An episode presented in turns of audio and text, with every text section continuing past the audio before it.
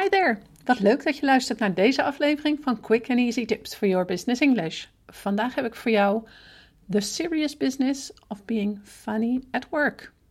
Mijn naam is Hanneke Drijver van Improve Your Business English en de auteur van het boek Master Your Business English. Communicate with Power in 7 Simple Steps.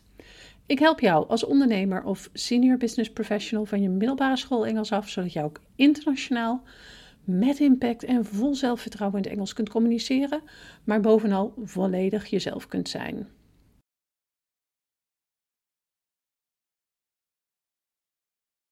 Why was the math book sad? Because it had too many problems. Je raadt het al. Vandaag ga ik het hebben over humor en specifiek gezegd humor op de werkvloer. Het kan soms al lastig zijn om dit in het Nederlands op een goede manier op te nemen in je zakelijke communicatie, laat staan in het Engels. Toch is humor erg belangrijk in zakelijk contact. En in deze podcast vertel ik je over het belang van humor op de werkvloer en geef ik je een aantal tips om effectief gebruik te kunnen maken van humor in Engelse zakelijke gesprekken en vergaderingen. Na het luisteren van deze podcast weet je precies waarom het grapje dat ik net vertelde goed zou kunnen passen in zakelijke context. Humor is een effectief hulpmiddel voor ondernemers en business professionals die Engels als tweede taal leren. Voor jou dus. Het gebruik van humor in het Engels kan mensen nogal afschrikken, omdat het soms moeilijk inschatten is of een grapje goed zal landen. Toch is het belangrijk om in het Engels humor te gebruiken in zakelijke gesprekken. Maar waarom eigenlijk? Humor kan het ijs breken om mensen te helpen ontspannen in gespannen of formele situaties. Het kan ook helpen om een goede en positieve relatie op te bouwen met collega's, werknemers en internationale zakenrelaties. Daarnaast kan humor je ook nog eens gedenkwaardiger en boeiender maken, waardoor je opvalt. En al helemaal in een competitieve zakelijke omgeving tijdens een congres of bij een onderhandeling. Ik had het er net al over dat het soms moeilijk is om in te schatten of een grapje goed zal landen. Nou, dit heeft te maken met het feit dat er, wanneer je in het Engels spreekt, verschillende culturen aanwezig zijn. En er zijn flink wat culturele verschillen over wat als grappig en gepast beschouwd wordt. Om hier zo goed mogelijk mee om te gaan, heb ik een aantal tips voor je opgesteld, zodat je wat beter op weg kunt met het effectief gebruiken van humor in zakelijke Engelse gesprekken en vergaderingen. Here we go. Tip 1. Ken je publiek. Bij het gebruik van humor in het Engels is het belangrijk om te bedenken met wie je spreekt en welke culturele achtergrond ze hebben. Want, zoals ik net vertelde, is hetgeen wat in de ene cultuur als grappig wordt beschouwd, helemaal niet gepast in een andere cultuur.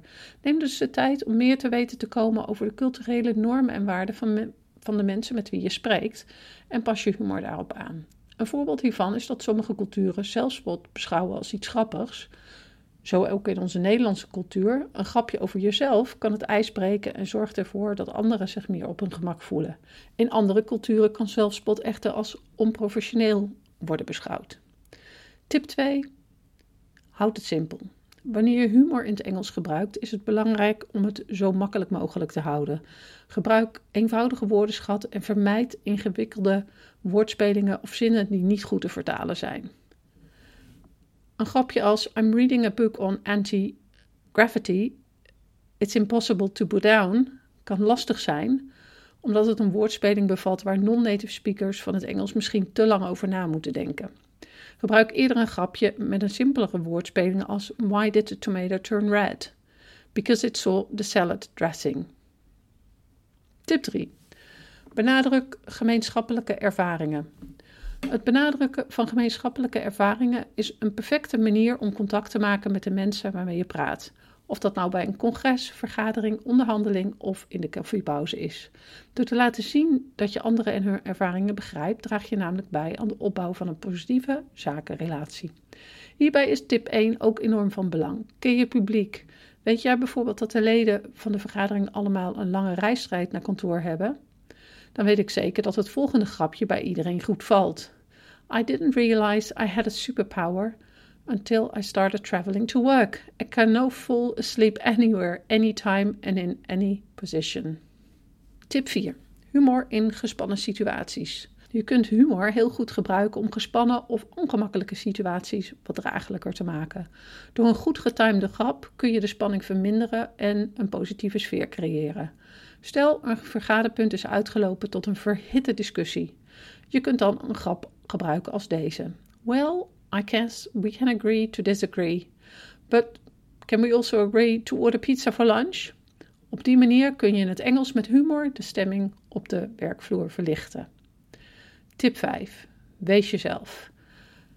Als laatste geef ik je mee, wees jezelf. Dat vinden wij bij Improve Your Business English namelijk het allerbelangrijkste. En dat geldt dus ook voor humor. Wanneer je humor in zakelijke Engelse gesprekken gebruikt, is het van belang dat je authentiek en trouw in jezelf blijft.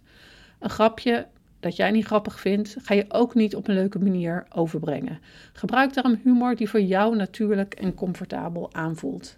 Weet jij aan de hand van de tips die ik zojuist heb genoemd, waarom het grapje dat ik helemaal op het begin van de podcast noemde zo goed zou passen op de werkvloer? Ik zal hem nog eens herhalen. Why was the math book sad? Because it had too many problems. Deze grap is eenvoudig te begrijpen en bevat geen complexe woordspeling. Daarnaast benadrukt er ook nog eens een gemeenschappelijke ervaring: veel problemen hebben.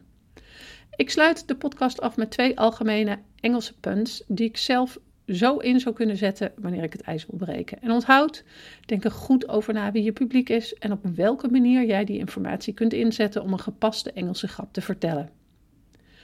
Why did the Scarecrow win an award? Because he was outstanding in his field. Uh, why did the bicycle fall over? Because it was too tired. Als je deze aflevering hebt geluisterd, zou ik het enorm op prijs stellen als je een review voor ons zou willen schrijven op SoundCloud of iTunes of een beoordeling voor ons zou willen achterlaten op YouTube.